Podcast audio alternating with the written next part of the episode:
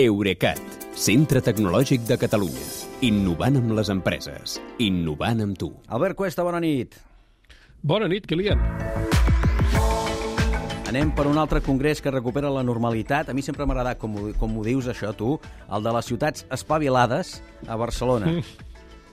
Sí, avui ha tancat portes al recinte Gran Via de la Fira de Barcelona la Smart City Expo, d'aquí això de les espavilades, Sí. que és aquesta trobada d'innovació urbana anual que inclou també un apartat sobre la mobilitat del futur. Eh, aquest any han tingut més de 20.000 assistents presencials de 134 països, això és un 50% més que l'any passat i gairebé recuperen el nivell de l'edició de 2018.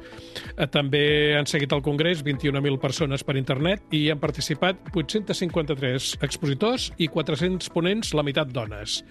A les sessions s'hi han tractat, eh, doncs, com és lògic, la digitalització de les ciutats, que és on viu la majoria dels 8.000 milions d'humans que acabem d'estrenar, però també hi han intervingut experts en induir el comportament dels ciutadans mitjançant els espais públics o amb com aplicar les matemàtiques a desxifrar patrons de compra, de transport, de delinqüència, de disturbis i de terrorisme. Doncs espavilades també amb tecnologia. Fem un Mhm. resum ràpid del que t'ha cridat l'atenció aquí? Sí, mira, per exemple, la ciutat coreana de Seul ha mostrat una mena de metavers a l'inrevés, eh, amb un quiosc d'informació on dialogues amb un personatge virtual, que pot ser home o dona, que té l'aspecte de resi- residents reals de la ciutat. I els amics del Centre Tecnològic Eurecat han mostrat una aplicació de tèxtils híbrids per fer façanes penjants d'edificis que es poden il·luminar o bé captar energia solar. Molt bé. Uh, ja fa anys, per altra banda, que veiem mobiliari urbà multifuncional, com bancs amb endolls o fanals amb antenes de telefonia mòbil. Doncs l'empresa portuguesa Omniflow ha ampliat aquest ventall per resoldre el gran problema dels drons de repartiment urbà o de videovigilància, que és l'autonomia.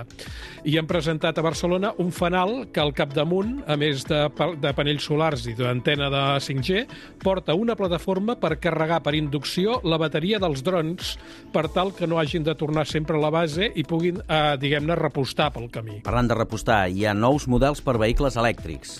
Uh, sí, uh, es parla molt de les electro electrolineres, que són uh, bàsicament benzineres amb endolls, però els conductors uh, sempre s'hi haurien d'estar una estona esperant. En canvi, la petroliera Cepsa i l'empresa Silence de motos elèctriques, que és propietat d'Acciona, han presentat un, un sistema amb què el motorista arriba a l'electrolinera, deixa la bateria descarregada de la seva moto i se n'emporta una altra que ja està carregada del tot.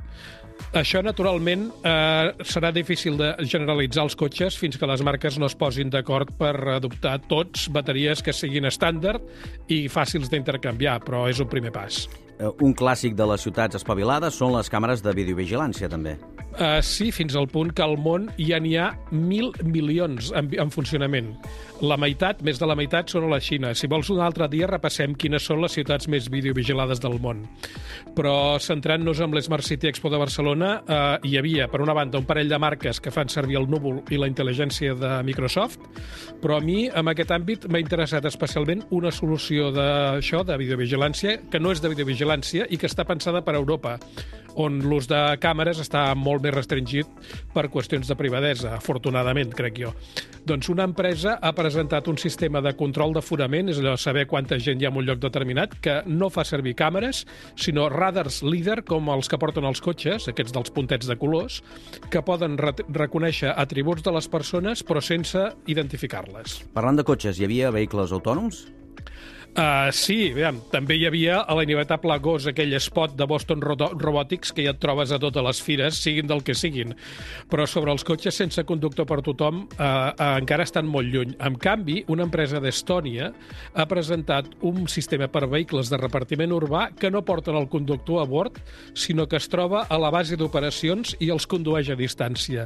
I d'aquesta manera, mentre el, el camionet està aturat per carregar o per descarregar, ell eh, pot entretenir-se conduint-ne un altre. La qüestió és que tingui molta feina, vaja.